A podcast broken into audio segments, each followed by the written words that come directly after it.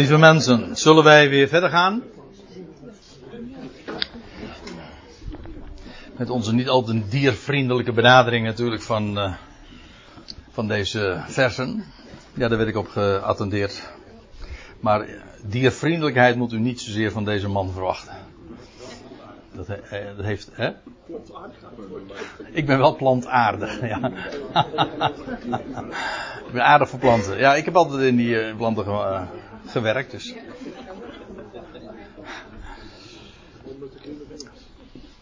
Dus voor mij is een dier al heel gauw een beest.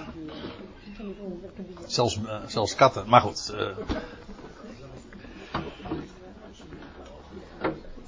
We hadden het dus over dat beest dat Johannes ziet opkomen, of zag opkomen uit de zee, uit de Volkerenzee.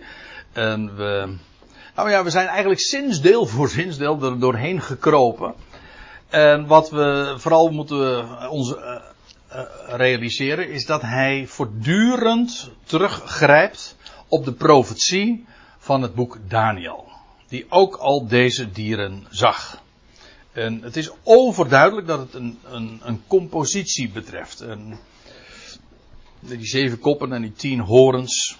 En bovendien ook, dat blijkt uh, uit de wijze waarop hij dat beest dan ook beschrijft. Want dat is de tweede bevestiging. Want de dieren die Daniel waarnam, dat was respectievelijk een leeuw, een beer, een luipaard en een, een BZN. Hè? Een beest zonder naam. En wat ziet hij hier? En hij doet dat trouwens in omgekeerde volgorde. Het geleek op een luipaard. Dus dan heeft hij het over het geheel. Dus het doet hem het meest denken aan dat derde koninkrijk dat, jo, dat Daniel waarnam. Dat Grieks-Macedonische rijk van, van Alexander de Grote. Dat ook maar heel kort bestaan heeft. Hé, hey, dus, uh, daar doet het me dan ook. Dat, dat is ook weer een gelijkenis met de eindtijd. Hè? In no time zich aandienen. Dat uh, is ook een ding. En een andere vraag is. Maar ik leg alleen maar vragen neer. Dat is een beetje frustrerend. Er net in de pauze werd me verweten. Uh, dat ik nou wel vragen neerleg. Bijvoorbeeld over die vijf koningen die vallen. En dan een zesde is er. En een zevende. Uh, voor een korte tijd. En dan die achtste. Maar die komt uit de zeven. En dan zeg van ja, je legt nou wel al heel leuk vragen neer. Maar ik wil het antwoord. Zo werkt dat niet. Met bij, nee, echt waar. Dat, dat zeg ik niet als een grapje. Het, met, uh, ik ben er al zo dikwijls op, uh, op gestuurd dat, dat je alleen maar werkelijk vatbaar bent voor het antwoord. Als je eerst goed je bewust bent geworden van de vraag. En dat, en dat geldt hier ook. Soms is het, het is heel ondankbaar. sorry. Om, om zomaar mensen te tracteren terwijl ze zich helemaal niet bewust zijn van de vraag.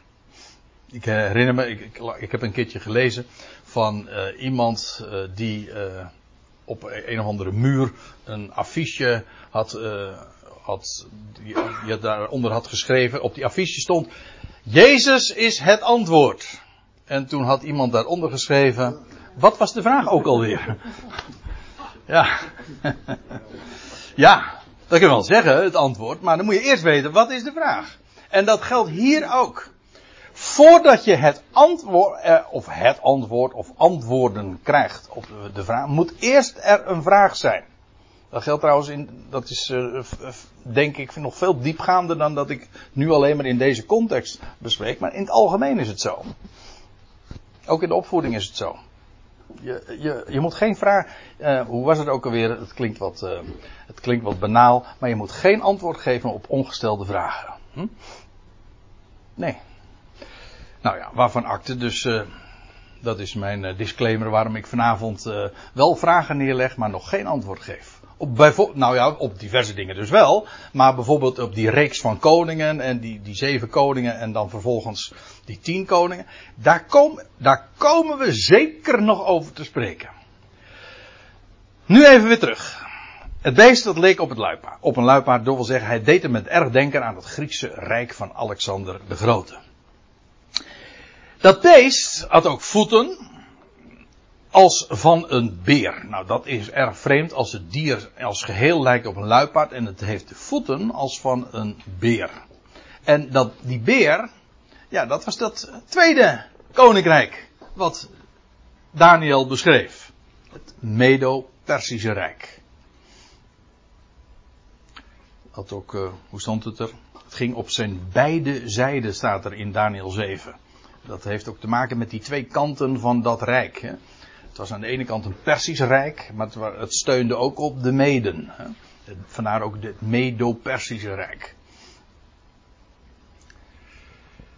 Uh, dus het deed dat beest, dat is een compositie. Dus dat wereldrijk wat, wat zich straks gaat aandienen, dat, waarvan we nu al inmiddels al weten, maar dat heb ik al, daar hadden we het zojuist al even voor de pauze over.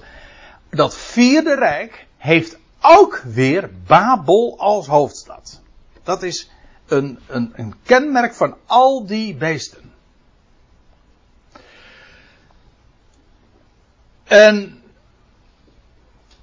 dat begon ooit met, uh, met Nebukadnezar. En die wordt dat eerste rijk, dat Galdeeuwse of Babylonische rijk. Ja, dat Babylonische rijk had zijn hoofdstad uiteraard in Babel.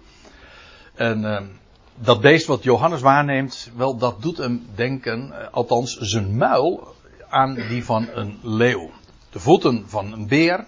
Het geheel lijkt het op een luipaard. En dat betekent, dat wou ik net nog even zeggen, dat dat wereldrijk dat zich, dat straks gaat komen, dat is een wereldrijk daar in het Midden-Oosten. Daar wordt het gevestigd. Babel als hoofdstad. En trouwens, dat gold ook voor het, uh, het, Griekse Rijk. Het geldt voor het Medo-Persische Rijk. Uiteraard het Babylonische Rijk. Maar ook straks weer. Babel is het centrum, is hoofdstad. Maar het Rijk dat uh, is gevestigd daarin, inderdaad, in het Midden-Oosten. Dus in dat gebied, daar uh, moeten we de ogen, in wat dat, wat dat betreft, het hele profetische, het epicentrum zeg maar, van de profetie is daar gelegen. Zijn muil als die van een leeuw, een grote muil heeft hij. Uh, dat bedoel ik ook heel dubbelzinnig, dat zullen we straks ook nog zien. Hij heeft een hele grote muil. Uh, dat is dus dat eerste koninkrijk in Daniel. Het Babylonische Rijk. Trouwens, Daniel die zag dat, die, dat visioen uh, ook uh, tijdens dat Babylonische Rijk. De zoon van Nebuchadnezzar was toen aan het bewind. Toen hij dat zag. En de draak, die we in het boek Openbaring inmiddels al kennen, want dat was hoofdstuk 12. En de draak geeft aan zijn, uh, geeft aan hem, dat beest, zijn macht, zijn troon en zijn grote autoriteit. Die draak, daarvan weten we, die is uit de hemel ge. Ja, geknikkerd.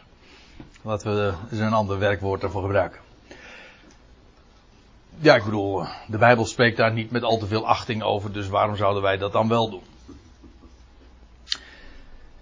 die draak die nu zich dus volledig gaat richten op, ja, op, het, op zijn domein, op aarde, want dat, daar bevindt hij zich nu. En hij geeft al aan hem zijn autoriteit, zijn troon, zijn grote autoriteit. Ik lees even verder. Vers 3. En een van zijn koppen, haha, daar hadden we het net over. Eh, dat, dat beest had zeven koppen. En één van zijn koppen was afgeslacht ten dode. We hebben al gezien, die, de koppen, dat zijn koningen. In, op rij. En, of in ieder geval, dat zesde en die zevende en die achtste, dat is echt op rij zoals dat die zich zullen aandienen. Maar er staat er, en een van zijn koppen was afgeslacht. Dat is, dat is interessant. Uh, het heeft, het, hetzelfde woord wordt daarvoor gebruikt als later in vers 8, maar ook al eerder in hoofdstuk 5 en 6, als er gesproken wordt over het lammetje. Dat ook geslacht was. Exact hetzelfde woord wordt daar gebezigd. Er zijn veel meer connecties trouwens hoor, tussen dat beest en het lammetje. Als ik het trouwens zo zeg, dan zie je de connectie, maar u ziet vooral natuurlijk de, uh, de tegenstelling. Een lammetje noem je geen beest. Hè? Tenminste niet in de zin zoals we er nu vanavond over spreken. Een lammetje. En dat, het, eigenlijk, dat is het ook, ja, ik zou zeggen, de humor ook. De goddelijke humor in het boek De Openbaring is dat zo'n gigantisch beest, een monster, een draak, dus met, uh, zodra het meer, meer dan één hoofd heeft, dan heet, dan heet het een draak. Ja. Nee, we gaan het nu niet over politiek en over organisaties hebben, maar zodra iets meer dan één hoofd heeft, dan wordt het een draak. Maar niet dat beest, maar een lammetje. Het staat niet, in onze vertalingen wordt altijd gesproken over het lam. Het lam dat geslacht is. Maar in het, dat een lam vind ik trouwens al heel erg uh, klein en en, uh, nederig en, en teer en heel, hoe zeg je dat?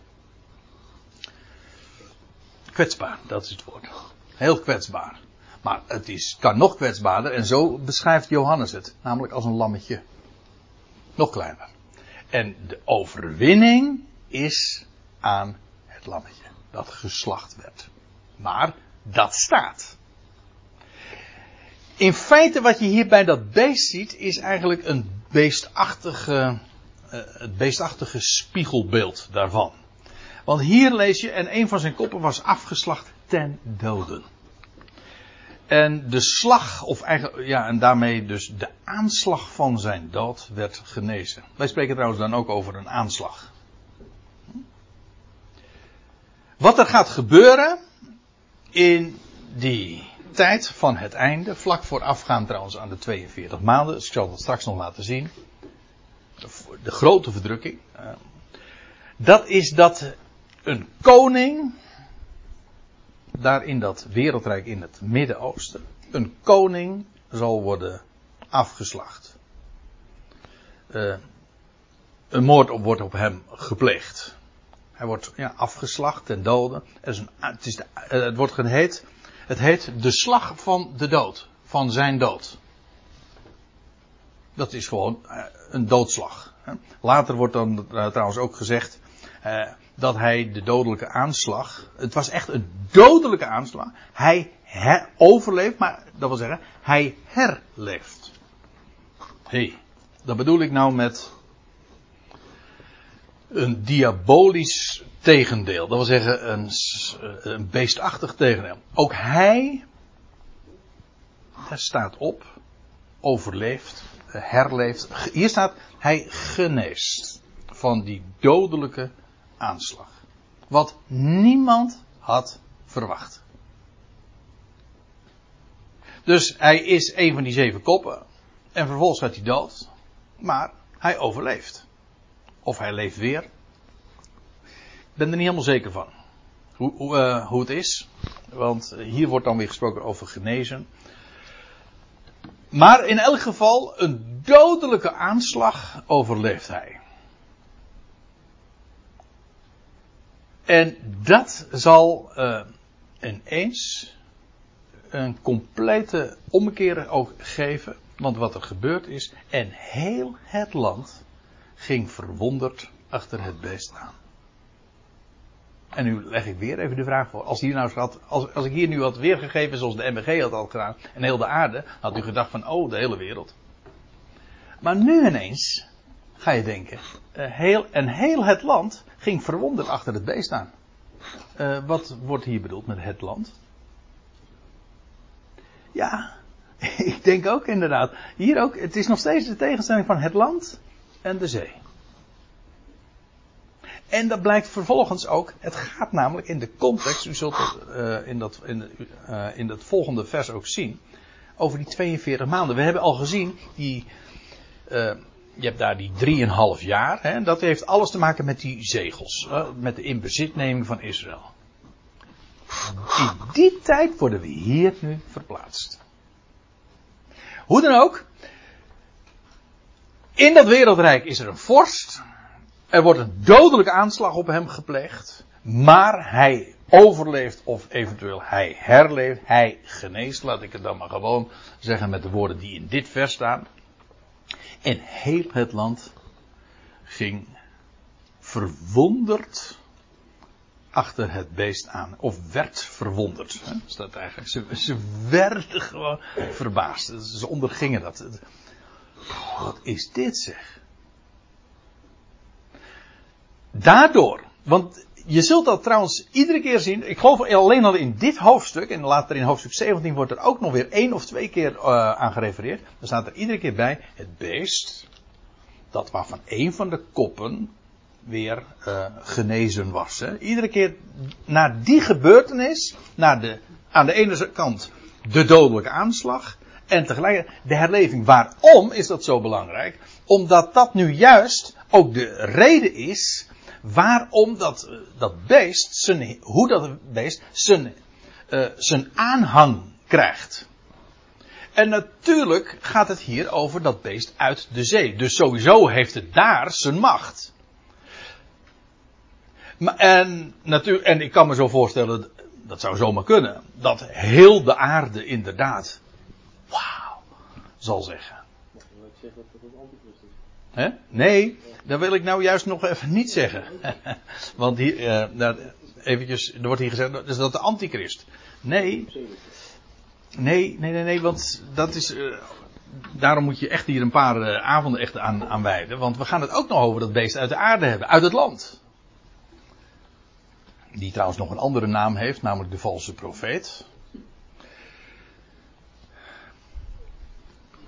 En het woord antichrist komt trouwens in het hele boek openbaar niet voor. Dus, ja. Nee, maar ik, ik, uh, laten we eventjes blijven bij het uh, taalgebruik. Uh, hier.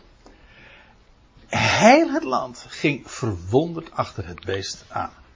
Het is trouwens heel eigenaardig, want een van die koppen is, heeft een dodelijke aanslag overleefd of hij herleeft weer. En nu vervolgens, en het hele land ging verwonderd achter het beest aan. Dus dat, dat beest, die, de, of in ieder geval een van die zeven koppen, wordt nu geïdentificeerd met dat beest. En dat is helemaal niet zo gek, want dat doet meestal. Hè? De kop representeert het geheel. Toch? Dat is vrij normaal. Als u, uw als u een paspoort laat zien, dan laat u eventjes uw kop zien. Eventjes oneerbiedig gezegd. Even koppen tellen. Even koppen tellen, ja. En en uh, waarom doen we dat ook? Waarom representeert een kop het geheel? Omdat normaal gesproken uh, een organisme maar één kop heeft. Hè? Want anders zou koppen tellen niet zoveel zeggen. ja. Goed. En ze aanbaden de draak. Ze, uh, eigenlijk dat woordje aanbidden, dat heeft iets in het Grieks daar zit het woordje hond zelfs nog in. Als een hond zo voorover uh, helemaal gepreoccupeerd op op zijn baasje. Uh, helemaal in ja, katzwijm, hoe zeg je dat? nee, katzwijm is weer hier geen hond natuurlijk. Hè? Ja, maar ik, ik, zoek, ik zoek een ander woord. Adoreren, kwispelen, ja, zo, dat is het idee. Het woordje aanbidden, het is heel grappig zoals dat in het algemeen gebruikt wordt aanbidden, het is, nog maar, het is een eh, wat uh, dubieuze eh, weergave, maar het, is, het betekent eigenlijk zich helemaal zich klein maken uh, voor, hm, zoals een hond dat doet, uh, voor zijn baasje. Dat is het. Ze aanbaden de draak, dat de autoriteit aan het beest had gegeven, en zij aanbaden het beest zeggende, hey, hier twee keer, ze aanbaden. Ik denk dat hier dat woordje en, een verklarend en is. In de zin van namelijk. Zoals dat heel vaak eh, zo is. De God en Vader. De God namelijk, de Vader van onze Heer Jezus Christus. Maar ook hier, uh, ze aanbaden de draak. Ik denk niet letterlijk de, dat zij weten van wie hij zijn autoriteit heeft gekregen. Maar ze aanbaden het beest. Want dat is namelijk wat ze zien. Maar aangezien dat beest zijn autoriteit en zijn macht enzovoorts gekregen heeft van de draak, aanbidden ze daarmee feitelijk de draak. Ik geef het even weer uh, als, zoals ik dit versta. Want hoe weten, hoe weten de mensen nou, hoe weten de, het hele land uh, loopt hem dat beest achterna. Ze zien gewoon, er is een moordaanslag op hem gepleegd. Hij was dood. Laten we het er even op houden. Hij herleeft. En zijn helemaal uh, flabbergasted uh, van, van dat gebeuren. En dus wat doen ze? Ze aanbidden het beest. Maar daarmee aanbidden ze feitelijk degene aan wie, uh, van wie dat beest zijn autoriteit en macht en de troon, et cetera, alles gekregen heeft. Weten zij niet, want ik denk niet dat zij zich bewust zijn van, het, van, van die draak die erachter zit. Maar dat door religieus eerbetoon te geven aan het beest, aanbidt men feitelijk de draak. Ik denk dat dat de wijze is waarop, waarop we dit vers hebben te verstaan. Nou ja, in ieder geval zo verklaar ik dat woordje en hier ook. En dan, en dan de vraag, de retorische vraag, wie kan er oorlog voeren tegen hem? Met andere woorden, uh, die religieuze adoratie is ook, ja, het is een politiek gebeuren, maar het is ook militair. Oppermachtig. Het is echt een wereldrijk, daar is niets tegen bestand. Dat is wat zich, nou ja, over enkele jaren, ik zeg het dan maar zo, want ik had een van de vragen die ik uh, in de aankondiging van deze avond had gezegd van ja, oh, toen ging het nog, ik had aangekondigd, we gaan het hebben over de twee beesten in het boek Openbaring. En lopen ze al hier ergens op aarde rond. Nou, daar ga ik wel vanuit, ja. Want we weten, de tijd is aanstaande. Dus dat maakt je ineens heel erg uh, alert daarop. Zeg van ja, we praten hier over ja, futuristische dingen.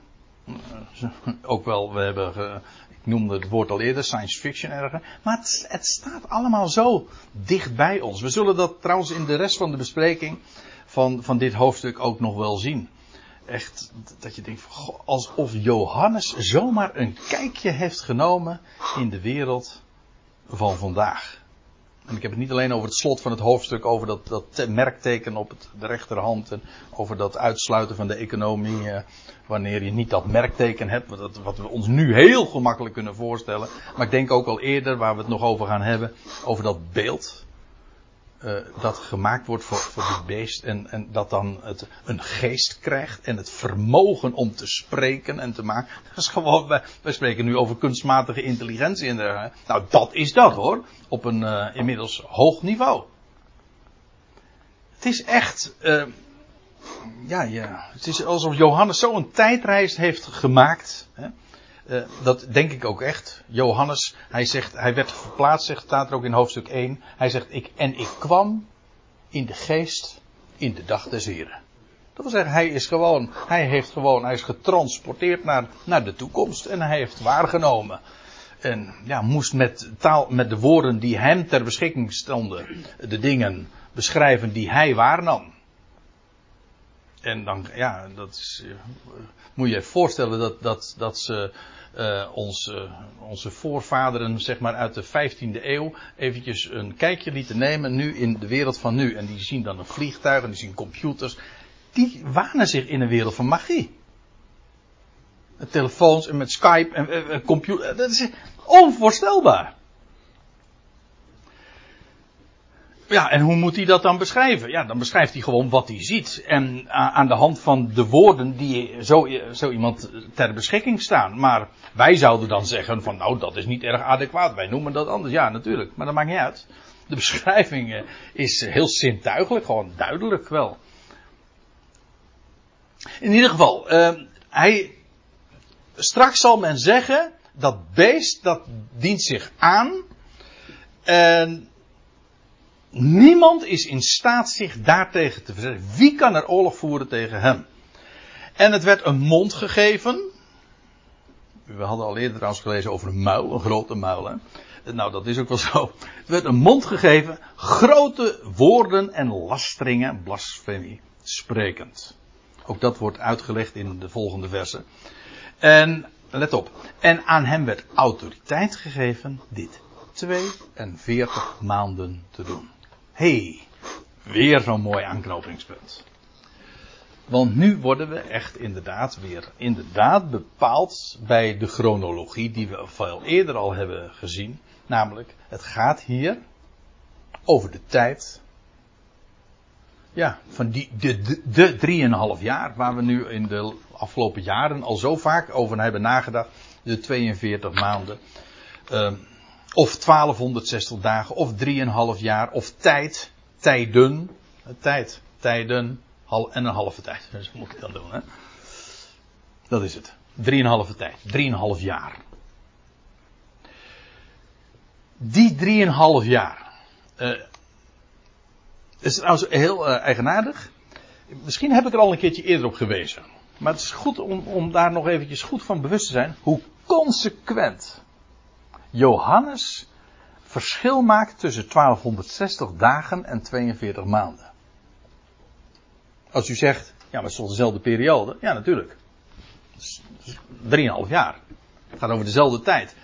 Maar als hij het heeft over bijvoorbeeld de vrouw die vlucht in de woestijn, of over de twee getuigen die op het tempelplein uh, profiteren, dan definieert hij dat in de termen van dagen.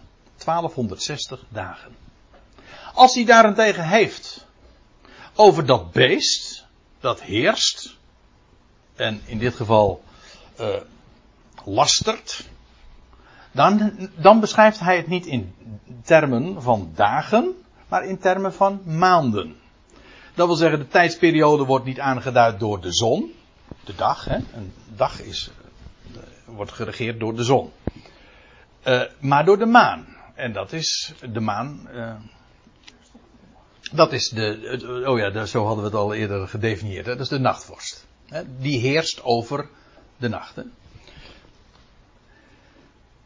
de duisternis. De vorst van de duisternis. En hij heerst, hem werd autoriteit gegeven om te lasteren 42 maanden. Het is de tijd ook, dat is ook openbaring 11 vers 2, dat de heilige stad Jeruzalem zal worden vertreden. Het is de tijd, ja, zoals we al e- e- eerder, veel eerder hebben gezien, u weet, die mannelijke zoon die wordt weggerukt. En dan lees je dat is het laatste moment dat uh, Israëlieten kunnen vluchten nog naar de woestijn. Dat moeten ze dan ook gaan doen. Dat, dat, dat gaan ze dan ook doen. Dat is het moment ook dat er op het tempelplein een gruwel, een afgodsbeeld zal worden opgericht. Over die tijd hebben we het. Openbaring 13, het, bij het tweede beest zullen we dat ook inderdaad zien. Een beeld. Dat ook gaat spreken enzovoort. En ik wil er nog iets over zeggen. Het had. Uh, God, nou weet ik het nog niet meer.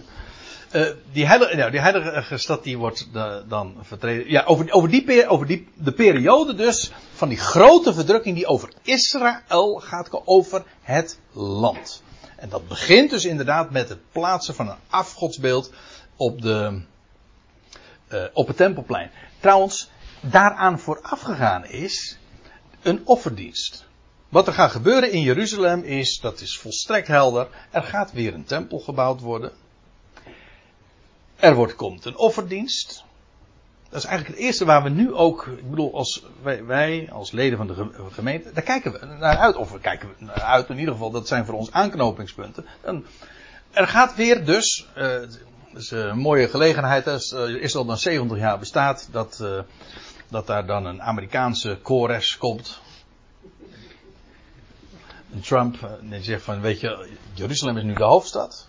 Ik ga jullie nog een cadeautje geven.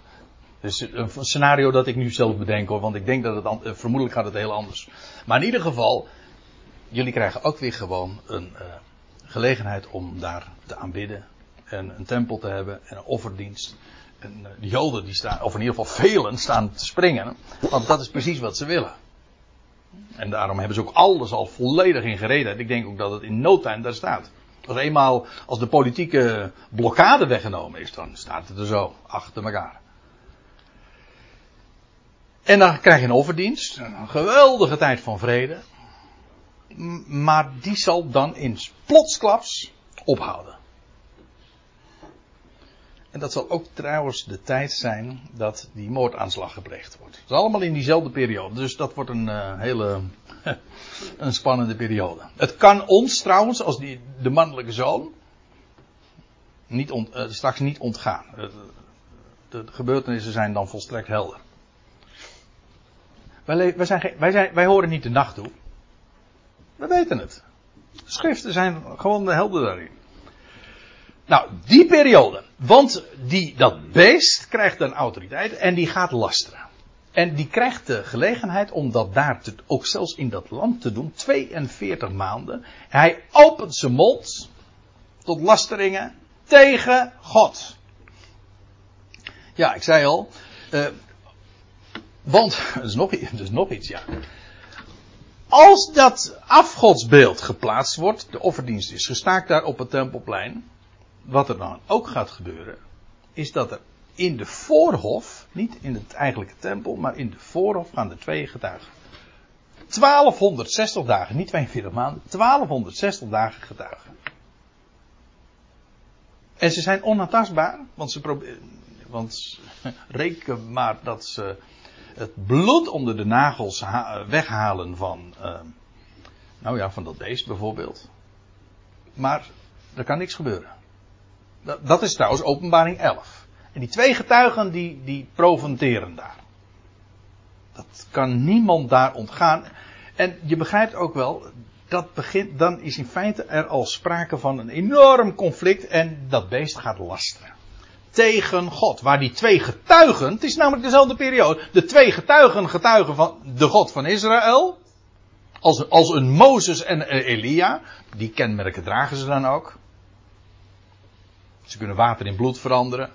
Ze kunnen net als Elia drieënhalf jaar niet doen laten doen regenen. La- laten regenen, ja. En dat kunnen ze, ik bedoel, zij, in hun verschijning doen ze direct her- denken aan Mozes en Elia. De God van Israël, daar spreken ze van. En dat beest, dat juist op datzelfde terrein daar in Jeruzalem zijn een beeld eh, zal hebben geplaatst. Ja, die, die zal dat niet verdragen. Hij, wat hij gaat doen is lasteren. Je, het krijgt context hè, op deze manier. Waar, waarom gaat hij namelijk lasteren? Nou, het is namelijk dezelfde tijd van die twee getuigen. En sterker nog, terwijl de twee getuigen profiteren op de, in de voorhof, is hij het die in, op het eigenlijke tem, in de eigenlijke tempel een beeld heeft geplaatst. Afschuwelijke tijd ga je dan ook krijgen.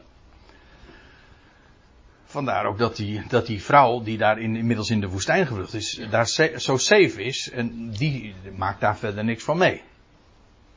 Maar je begrijpt wel waarom, ze, waarom die, die, dat beest, dat, eh, eh, zo lastert.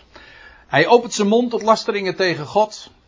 Om te lasteren zijn naam en, ehm, en zijn tent. En degene die in de hemel als in een tent wonen.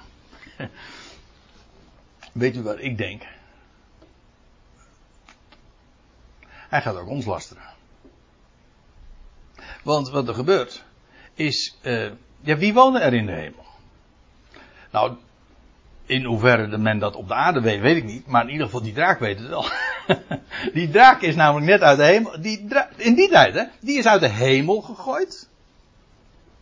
En nu is die vol grimmigheid op aarde geworpen. En geeft vervolgens zijn autoriteit aan dat beest, aan dat, aan dat wereldrijk. En dat beest dat gaat lasteren. En dat lastert de naam. God, de naam. En degene die in de hemel wonen. Die er juist voor hebben gezorgd dat de draak op aarde terechtgekomen is. Zo, zo staat het. Niet alleen dus de naam, maar ook degene die in de hemel wonen.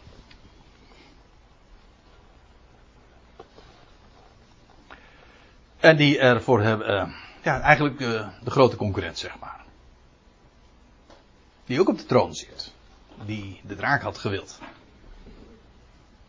Nou ja, eh, ook dat geef ik even ter overweging mee, want er staat inderdaad niet bij dat het de mannelijke zoon is.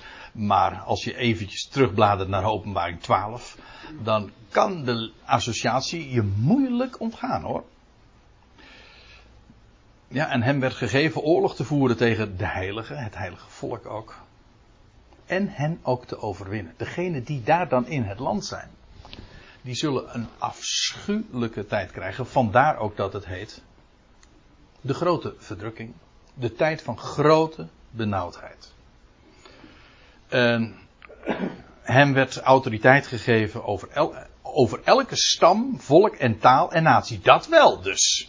Dus dat beest heeft dus wereldwijd autoriteit, jawel. En het voert oorlog, het gaat oorlog voeren tegen de heiligen. Daar in dat land. En bovendien, het gaat hen ook nog overwinnen, staat er. Ja. Maar nou zie ik dat het 5 voor 10 is en ik zie ook dat we nu eigenlijk weer nog aan een, aan een ander onderwerp beginnen. Dat wil zeggen, in verband met uh, die aanbidding daar in, dat, uh, in de stad en in het land. Ik stel voor dat we dat even parkeren voor de volgende keer.